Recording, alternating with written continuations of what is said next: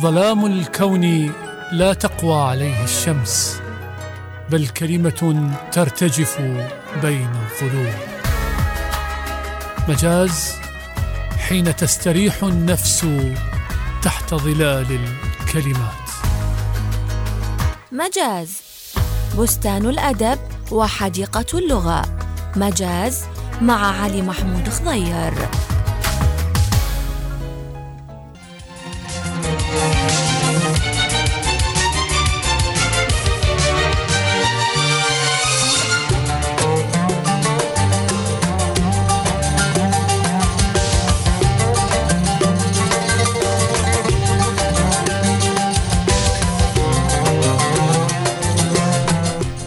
حياكم الله أحبتي أصدقائي في كل مكان. لقاء جديد من لقاءات مجاز من راديو تايمز سكوير.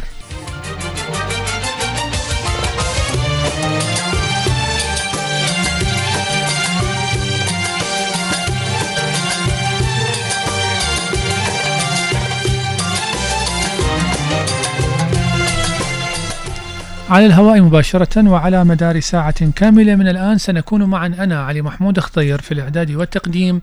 وفي الإخراج والتنفيذ الزميل المبدع مصطفى نزار فرافقونا. يا وين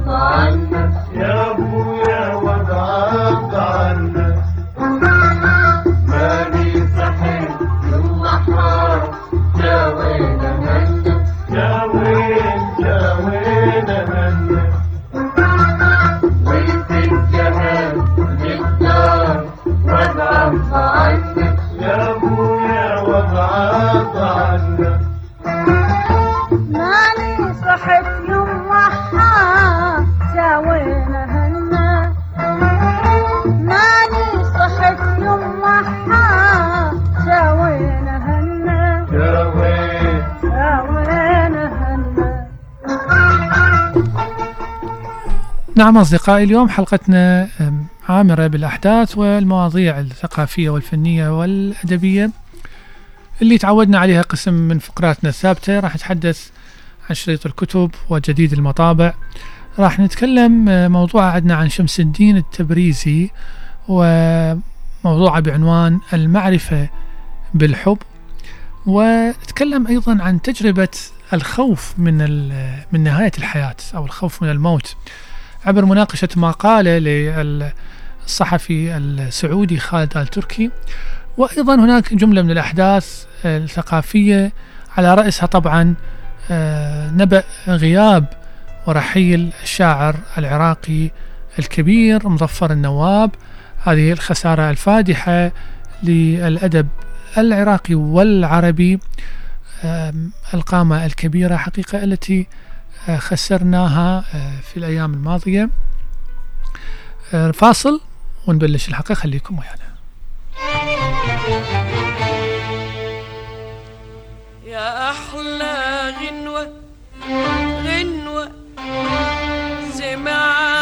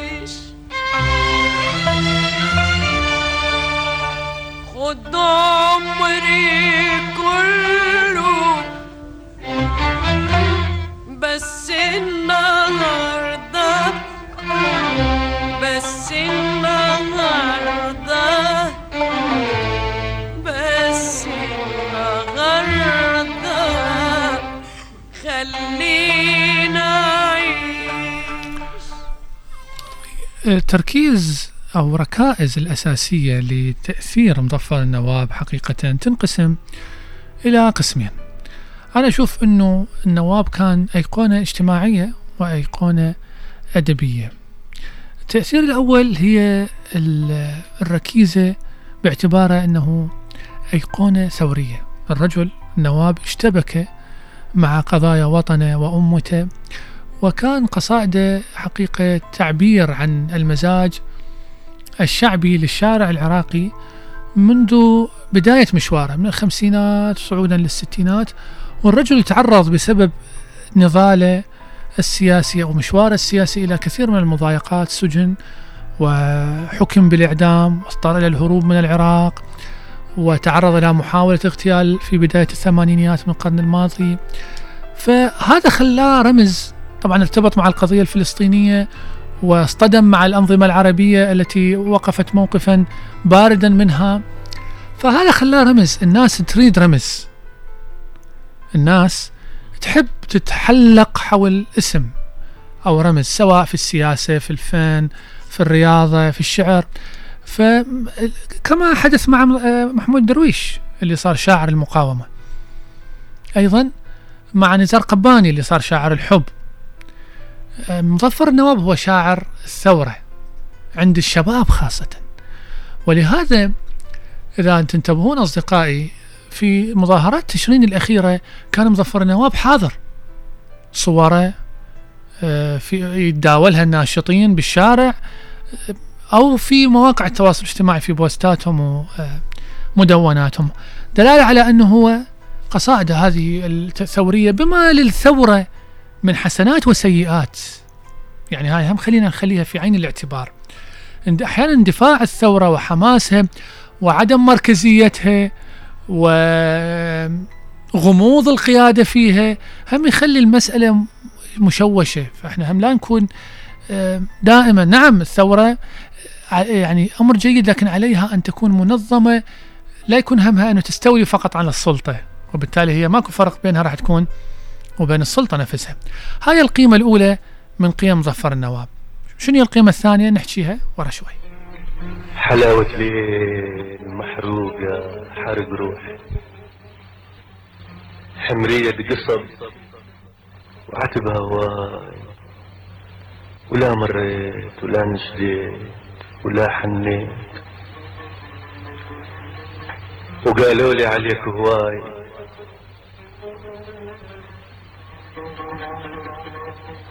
وعودان العمر كلهن قضن وياك يا ثلج اللي ما وجيت. تعال بحلم أحسبها الك جاية وأقول إن جيت.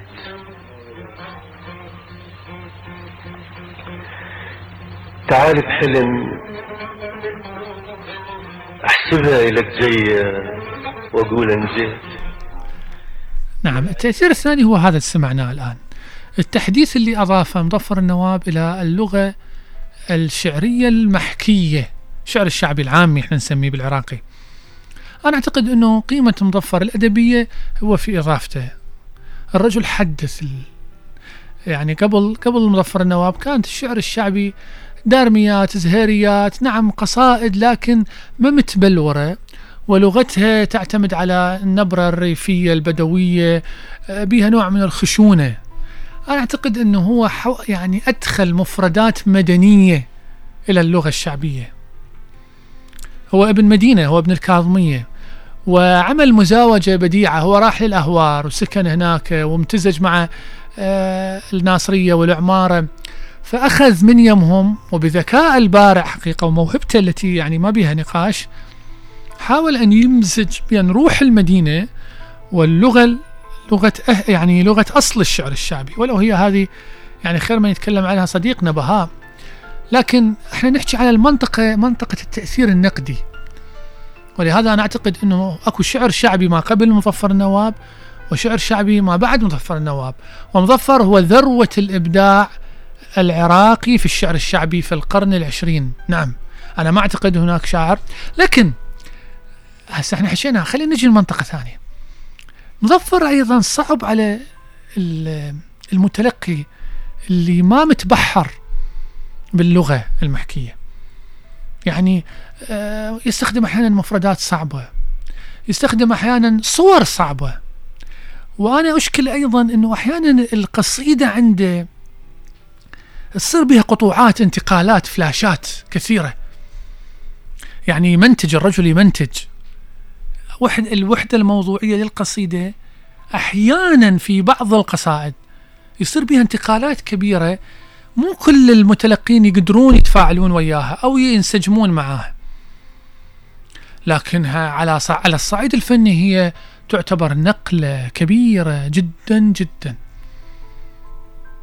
وعلى فكرة مظفر النواب يعني ابن الستينات والسبعينات لا يزال أكثر حداثة من شعراء الشعبيين العراقيين الآن في 2022 وأنا مسؤول عن كلامي. ما عدا يمكن استثناءات جدا بسيطة. لأن الشعر الشعبي العراقي الآن يمر بحالة من النكوص والكلاسيكية والمحافظة. يعني به نوع من المحافظة. محافظ.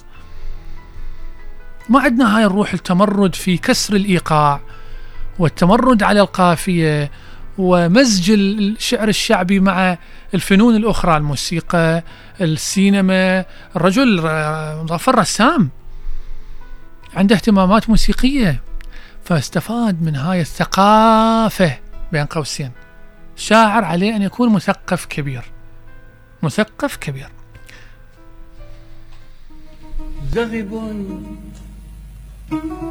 كفراخ البلابل هذا المساء ومن الجانبين البعيدين للنهر ضوضاء ماض تجيء مقطعة مثل فيلم عتيق. وقد ضاق ذرعا حذائي بمن لا يساوي حذاء.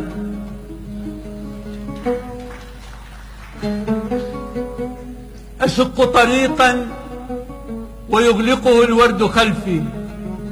قد ارتكب الورد إثما جميلا فما ذنب متهم كله أبرياء. وما هرمت أذناي ولكن غدوت أصيخ بقلبي. ولا شافتي ولا شفتاي لقد تابتا رغم أني دخلت بواكير فصل الشتاء. ومن ذا يتوب؟ وهذه السنين تمر سراعا وفي القلب عشق لأكثر من ألف عمر. وفي دفتري شبق من هواتف أشهى النساء. لقد كنت طفلا يحدثني الله في كل شيء فما بيننا لغة تتجاوز كل المباني وكنت إذا ما تجاوز حزني كياني. أفيض حنانا وأجمع بين التراب وبين السماء. نعم أصدقائي هو طبعا يعني شاعر النواب له آه، مشوار أو كارير بالشعر الفصيح. وله تأثير يعني أيضا يجمع بي بين. هذه الموسيقى العالية في اللغة وأيضا باهتماماته. هو كان رجل يكتب قصيدة تشبهها كثيرا. يعني اهتماماته الاجتماعية الثورية آه، الأيديولوجية الحزبية آه، من ناحية أخرى هو عنده غزليات جميلة جدا. من ناحية أخرى إلى آه، قصائد بها نوع من الصوفية لم يجري التركيز عليها. لأن الناس تدور الشعر اللي بيه شعارات بيه شعارات ولهذا كثير من بعض المناوئين إلى انتقدوه وقالوا له شعره بيه بذاءة هو يعني اعتذر منهم قال اعذروني يعني ما معناه إحنا وضعنا بذيء يعني إحنا وضعنا العربي بذيء فأنا أعبر عن هذا الواقع أنتقده يعني آه، بسبب جرحي من يمه. رحم الله مظفر النواب ونتمنى حقيقة أن تكون الأجيال القادمة قادرة على دراسته وتمثله بشكل جيد. راح نسمع أغنية للفنان العراقي الكبير ياس خضر من كلمات مظفر النواب. مرينا بيكم حماد إحنا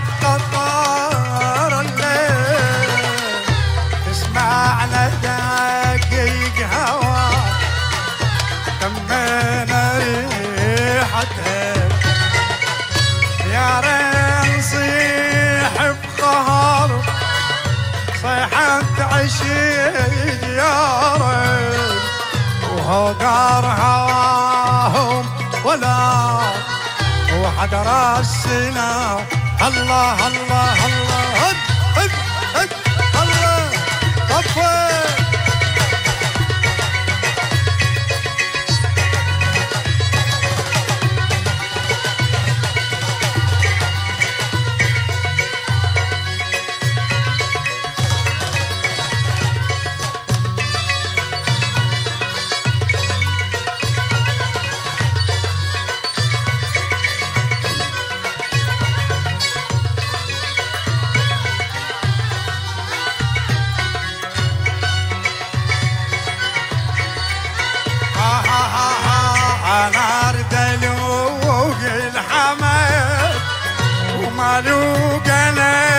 الغيرة.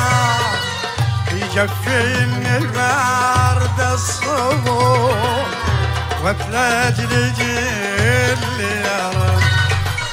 يرى يا ريل بأول صغرنا لعبنا طفيرة.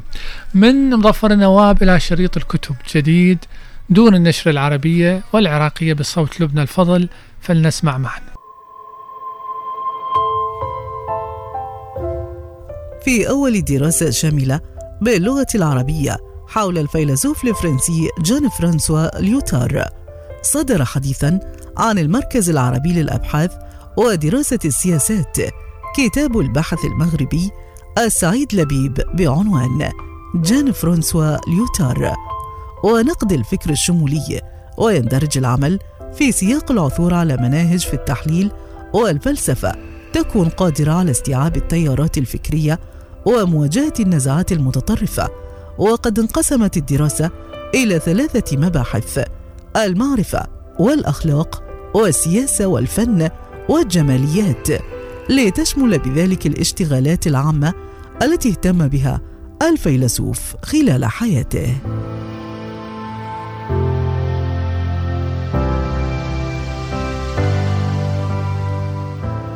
عن دار الفاصلة في طنجة صدرت حديثا. مسرحية مونودرامية بعنوان دنيا للشاعر المغربي طه عدنان. يتألف العمل من 18 مشهدا يروي فيها المؤلف سيرة دنيا وهي شابة من الجيل الثاني من المهاجرين المغاربة في بلجيكا. تواجه مسألة الهوية وهي التي ترى نفسها مغربية إلى حد ما وذات انتماء بلجيكي تقريبا. يعالج العمل سيرة بطلته الوحيدة بدءا من طفولتها الصعبة المجردة من العاطفة بحسب تعريف الناشر وصولا إلى حاضرها بعد زواجها من رجل لم يكن إلا ذريعة للإفلات من سلطة الأسرة. صدر عن دار ألبان ميشيل الفرنسية كتاب تاريخ لسود أوروبا. لأستاذة التاريخ في جامعة بريستول أولفييت أوتيل. يغطي الكتاب مرحلة تمتد من العصور القديمة إلى اليوم ويدلل على أن حضور الأفارقة في أوروبا يعود إلى العصور القديمة وذلك من خلال شخصية القديس المصري موريس الذي تصوره الأعمال الفنية كرجل أبيض. كما يقارب الكتاب بنظرة معمقة العلاقة الشائكة بين السود والأوروبيين في محاولة لفك شفرة التمييز الممتدة لألفي عام وإلقاء الضوء على مسائل العنصرية والهوية منذ القدم مرورا بعصر النهضة وحتى اليوم.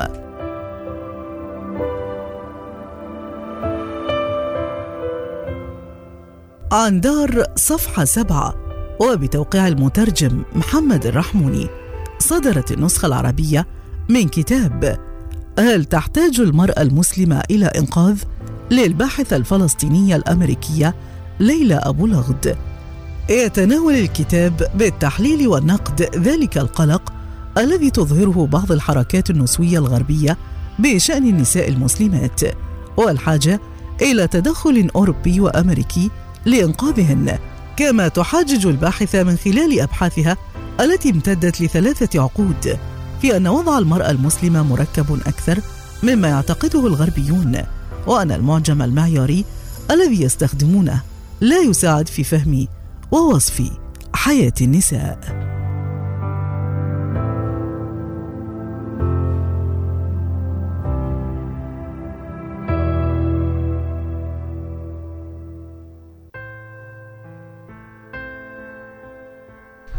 نعم أصدقائي من شريط الكتب مستمرين معكم في مجاز راح أتكلم عن واحد من أشهر مؤلفين الموسيقى موسيقى العصر الحديث الذي رحل مؤخرا اليوناني فانجيلس.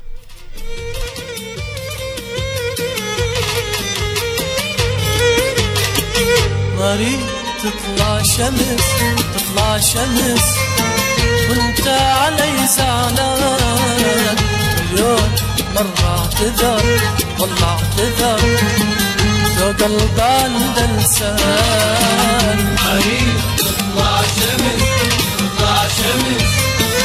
وانت علي زعلان. مليون مرة اعتذر مرة اعتذر لو قلبي عند لسان ما اريد اخلي الزعل قلبك أثر. لا أريد اخلي الحصن أن يجبرك على الهجر. ما أريد اخلي الزعل يترك بقلبك أثر. ما أريد اخلي الحصن أن يجبرك على الهجر. لو بيدي ألغي الزعل ألغي الزعل من قلب كل إنسان. اليوم مرة اعتذر والله اعتذر لو قلب عند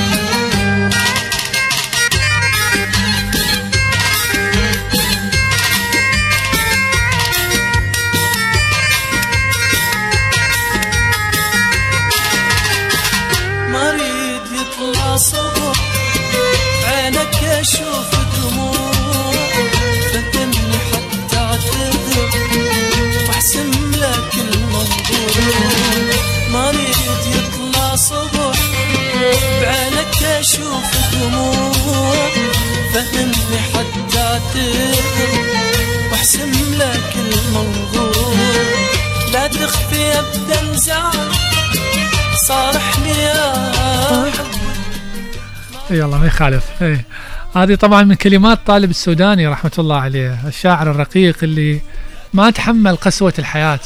شعراء الله يساعدهم. اي فا- فانجيلس فانجيلس إخواني إحنا إحنا هنا دائما في مجاز نغطي في زاوية الموسيقى. آه، أحيانا نتكلم عن الموسيقى الغربية الأجنبية ضرورة جدا. فانجيلس يعتبر وهو آه، مؤلف موسيقي يوناني. رائد ما يسمى The New Age Music موسيقى العصر الحديث اللي استخدم استخدمت الآلات الإلكترونية في التأليف الموسيقي. هذا الرجل ما كان يدرس نوطة ما دارس نوطة ولا داخل معهد موسيقي. ونقل الموسيقى الغربية إلى منطقة إحساس جديدة وقدم ألبومات غاية في الروعة يعني تركت تأثير كبير في من آه، في الأجيال اللي اللي لاحقا. من ضمنها ألبوم مالته تشاينا وألبوم احتفالات التراب الذي تأمل به موضوعة الموت. ألبوم كامل موسيقى عن الموت. وبعدين اشتغل أفلام مشهورة مثل عربات النار آه، فتح فتح فتح الجنة. مشهور جدا. هسه راح أنتم طبعا هسه من تسمعون إنه موسيقي ما تعلم يعني ولا يعرف يعزف نوطة أو يكتب نوطة أو يقرأ نوطة شو هذا شنو موسيقته؟ خلينا نسمع. شيء من شغل فانجيلس.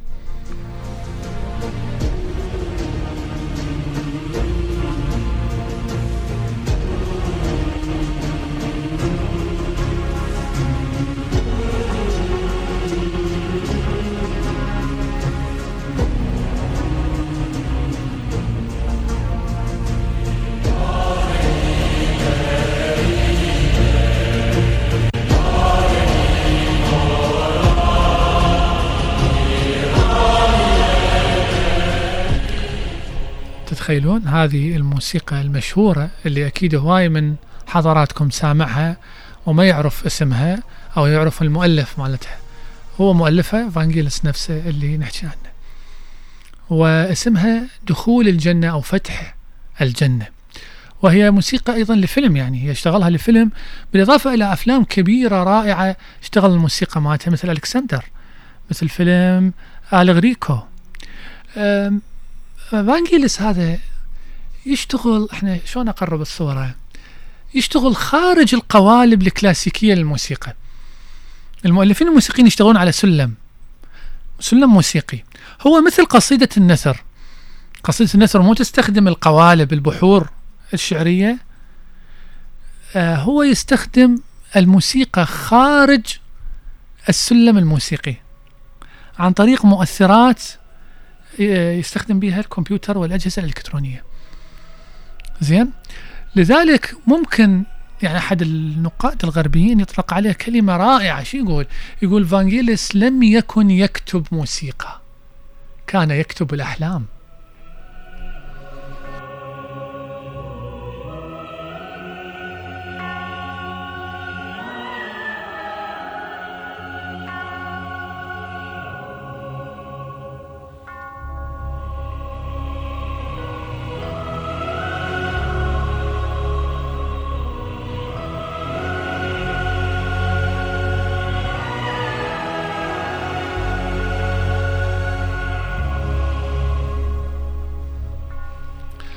هذا المؤلف الكبير غادر عالمنا للأسف في الأيام الماضية بسبب الكوفيد وترك هذا الإرث الكبير رغم أنه كان حقيقة يعني بالسبعينات في منتصف السبعينات وفي عز تألقه.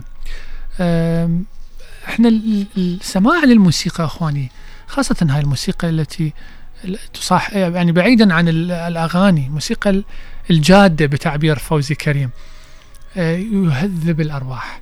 دائما كانوا يقولون عليها إنه هي غذاء الروح. بالفعل هنا يعني إحنا سمعنا كثير إنه هي حتى تستخدم كنظريات للعلاج ونظريات للتأمل. بس أنت جرب جرب إنه تسمع. ربما أكو كثير ناس آه، من الأصدقاء يقول لك آه والله شلون تتحملون هاي. الموسيقى ال- يقعد موسيقى فت ساعه لا بيها صوت لا بيها كلمات لا شلون نتفاعل وياها أقول له يمكن أنت سمعت الموسيقى اللي الغلط اللي ما جاية على مزاجك. لكن من تبغى تسمع إلى آه، كثير من الم- المؤلفين ممكن تقع على مؤلف حقيقة آه، تتناغم مع روحك وثقافتك ومعرفتك.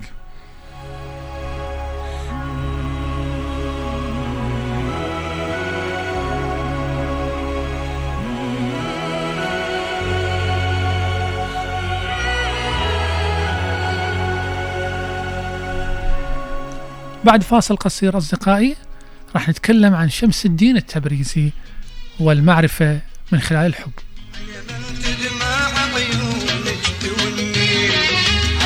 محبوب عاتك صار على من تدمع عيونك توني على محبوب عاتك صار لسنين.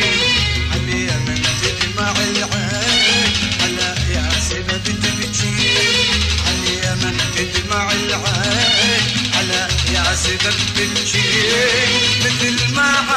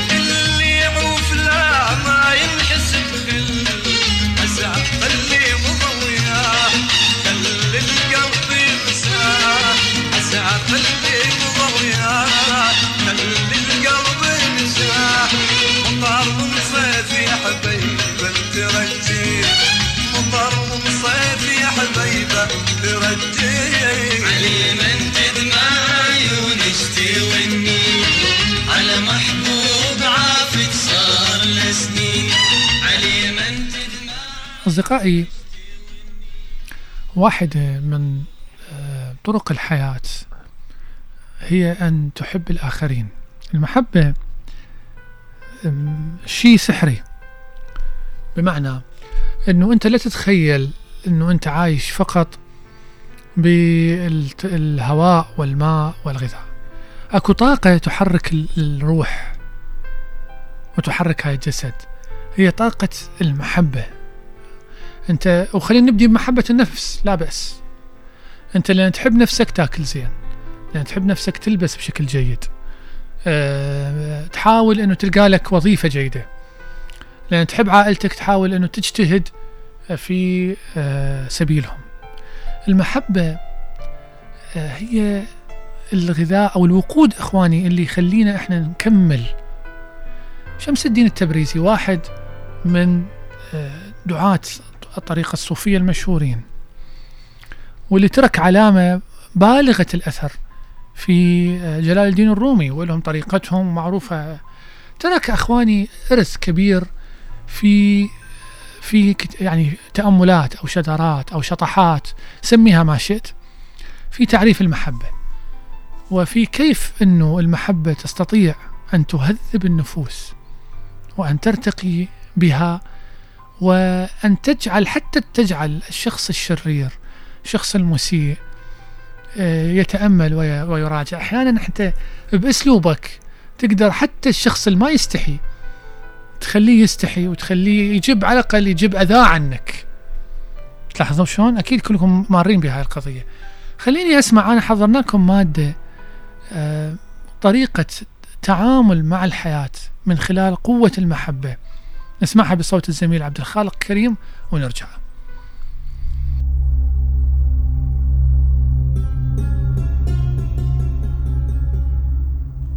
إذا أراد المرء أن يغير الطريقة التي يعامله فيها الناس فيجب أن يغير أولا الطريقة التي يعامل فيها نفسه وإذ لم يتعلم كيف يحب نفسه حبا كاملا صادقا فلا توجد وسيلة يمكنه فيها أن يحب. وعندما يبلغ تلك المرحلة سيشكر كل شوكة يلقيها عليه الآخرون. فهذا يدل على إن الورود ستنهمر عليه قريبا. إن القذارة الحقيقية تقبع في الداخل أما القذارة الأخرى فهي تزول بغسلها ويوجد نوع واحد من القذارة لا يمكن تطهيرها بالماء النقي وهي الكراهية والتعصب التي تلوث الروح.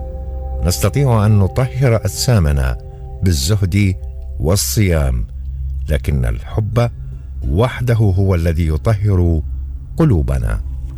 إن جهنم تقبع هنا والآن وكذلك الجنة.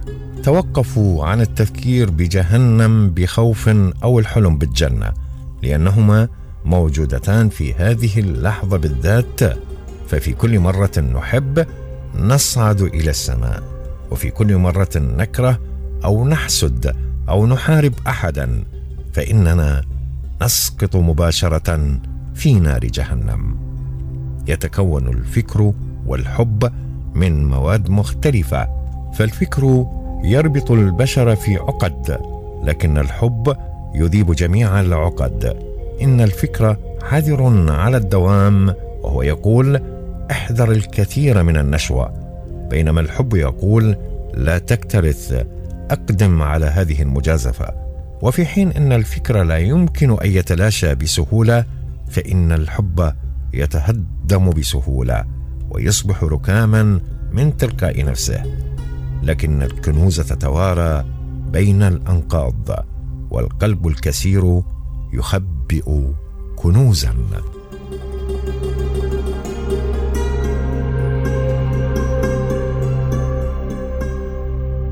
لقد خلقنا جميعا على صورته ومع ذلك فإننا جميعا مخلوقات مختلفة ومميزة.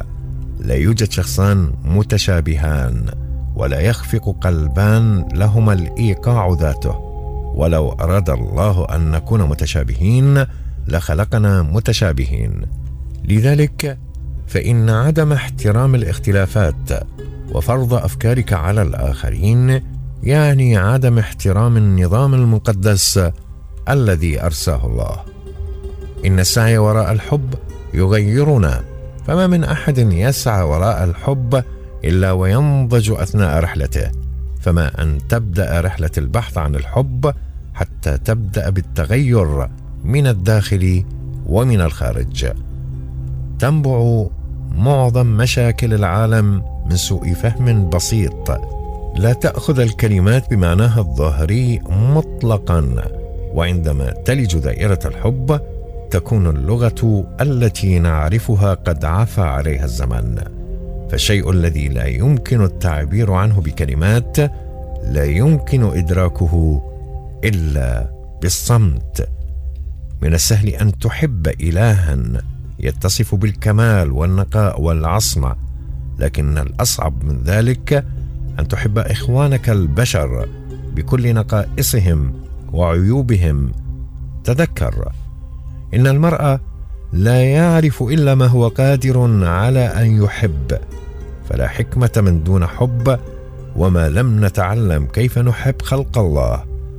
فلن نستطيع أن نحب حقا ولن نعرف الله حقا.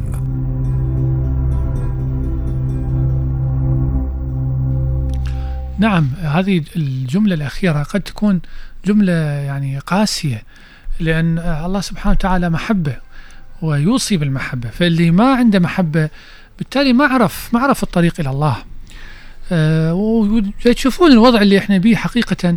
هذه القسوة المفرطة اللي بالشارع بتعاملات البيوت بين الأخ وأخوه بين ال ال حتى الأبناء مع آه، يعني أبوه وأمه هاي يعني نحتاج أن نعيد النظر بها من خلال تأمل فكرة المحبة. إذا مستمرين معاكم. طبعا بالمناسبة تنويه بسيط عن قضية ال- الحقوق. إحنا هذه كثير من ال- المطربين والأغاني الجميلة غايبة عن برامجنا بسبب مسألة البث على الإنترنت. تعرفون قضية ال- الحقوق أصدقائي؟ تجينا إحنا أحيانا رسائل أو المصطفى أنه عاجبنا نسمع فلان أو عاجبنا نسمع فلانة من الأغاني.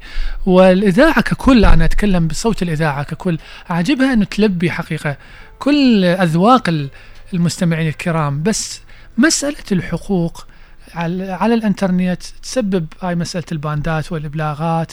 آه، كثير من التقييد الله يساعد مصطفى وأخوانه باقي إخوانه المخرجين. منين فين طريقك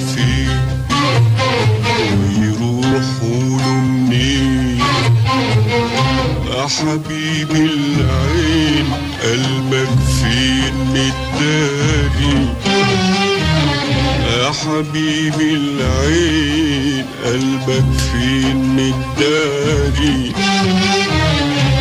قريب وبعيد شوقي لك بيزيد؟ قريب وبعيد شوقي لك بيزيد؟ عندي لك مواعيد وإنت معايا مش داري فين فين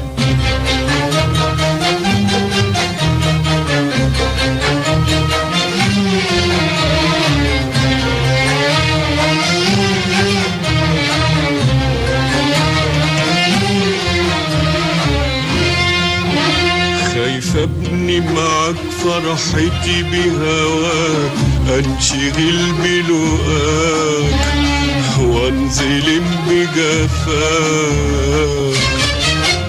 خايف ابني معاك فرحتي بهواك أنشغل بلقاك وانظلم بجفاك. خايف ابني معاك فرحتي بهواك أنشغل بلقاك وانظلم بجفاك. خايف ابني معاك فرحتي بهواك أنشغل بلقاك وانظلم بجفاك وان غدر بهواك ولا عز رضاك نظر بهواك ولا عز رضاك. أعمل إيه وياك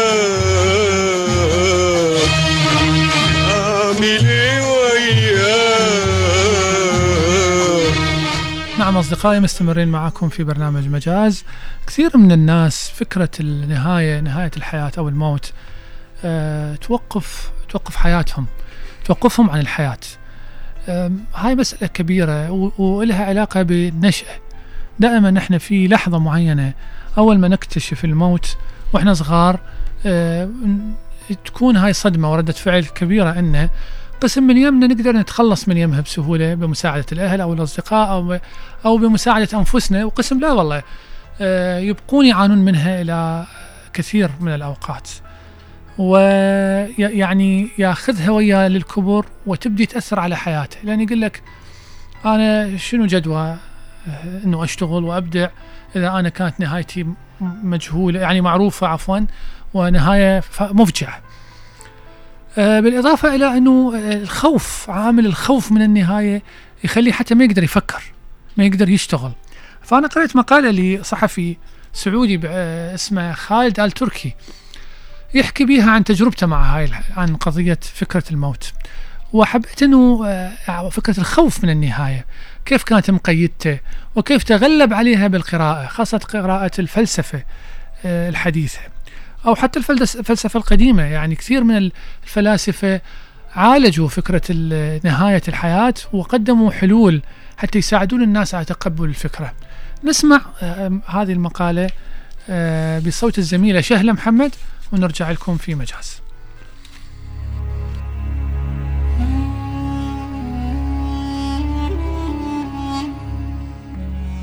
نشأت وأنا أخاف الموت. واعتدت على ترك التلفاز يعمل أثناء نومي ليلا حتى لا تنجرف أفكاري نحو النهاية المحتومة.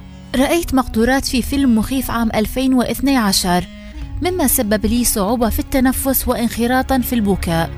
حينما كنت بعمر السابعة أو الثامنة كانت فكرة انتهاء حياتي وهلاكي أنا وأحبابي تملأني بالبؤس. هذا ما انبثقت عنه ذاكرتي كأول أفكار راودتني عن الموت. وكلما كبرت في السن قلت نوبات القلق الوجودي لدي فقد أصبح لدي أشياء أخرى لكي أقلق بشأنها. عندما كنت طفلا دمر الركود الاقتصادي عائلتي فتركنا العيش في بيت مستقر وانتقلت مع أمي من مكان لآخر. لم يكن لدي وقت للتفكير في الموت ولكن مع ذلك لم يغادر الموت قط تفكيري. ركزت على أن أكون منتجا وأضمن مستقبلا أفضل ومع ذلك لم أتمهل لأستريح أو لأجد السعادة في أيامي التي أقضيها. لقد ضاق صدري بسبب التعب من مشقة الحياة والخوف من الموت. مع ذلك كان ينتابني شعور غريب بالارتياح طوال الوقت الذي كنت ألهث فيه خلف تحقيق أعلى المعايير التي أضعها بنفسي. كنت أشعر إنني بخير حتى لو لم أكن سعيدا. ولكن وجهة نظري تغيرت حينما التحقت بأول سنة لي في الجامعة والتحقت بدورة الفلسفة الهلنستيه فقد أثرت بي مقاله سينيكا الحياة قصيرة التي يخاطب فيها الفيلسوف الراقي بولينيوس.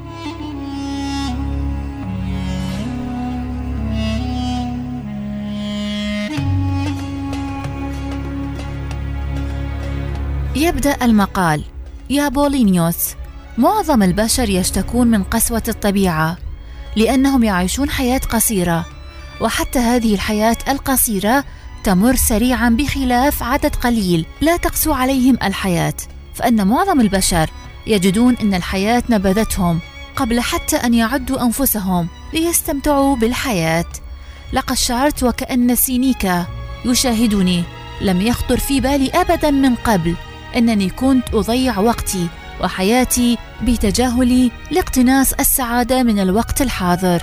من المحتم لأن الدافع الخفي خلف السعي لتحقيق طموحاتي العالية والذي لا يتوافق مع معدل وفاتي ولا مع حالتي البائسة في ظروفي الحالية.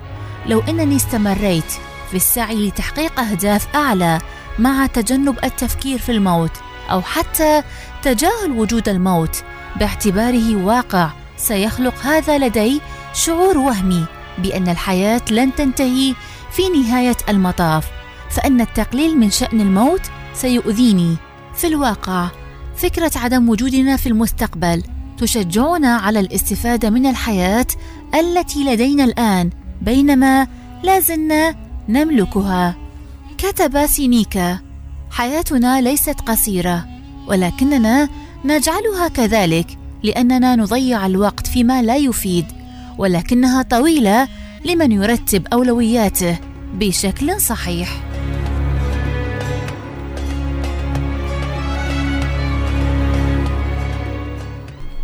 نعم أصدقائي بالضبط بالفعل إحنا من نحس أنه وجودنا مؤقت علينا أنه نشتغل. على هالوجود ونستثمره مو أنه نضيعه بالخوف والتردد من فكرة أنه إحنا وجودنا مؤقت هاي خلاصة المقالة.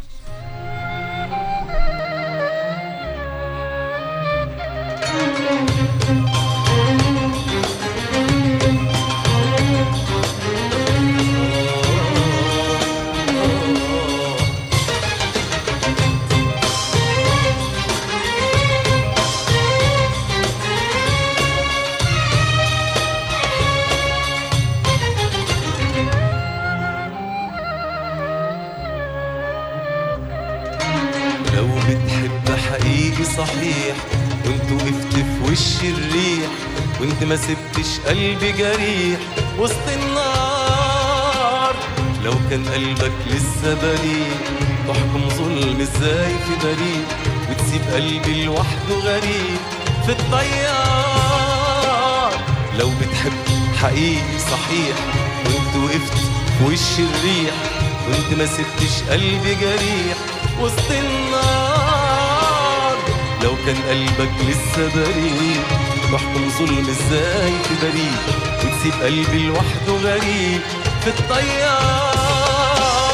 لو بتحب حقيقي بقلبك كنت عرفت تخاف على حبك كنت ما تترددش ثواني.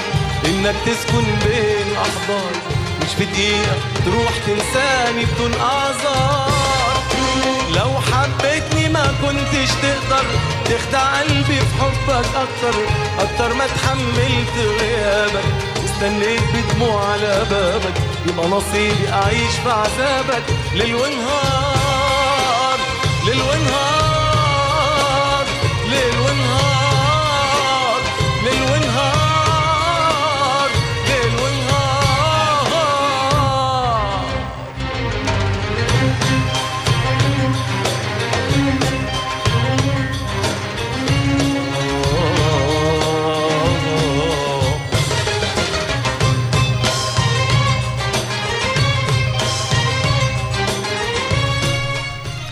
إذا أحبتي أصدقائي الكتاب مو مهم اقتناءه بس حتى ناخذه بصورة أو ستوري ولا مهم قراءته بس المهم أنه نتمثل هذه القراءة في حياتنا اليومية. يعني نستفاد من القراءة. أكو ناس يعني هي القراءة ثلاث مستويات أجيب الكتاب وأخليه يعرف وأجيب الكتاب وأقرأه بس ما أطبقه وأجيب الكتاب وأقرأه وأطبقه. هذا المهم.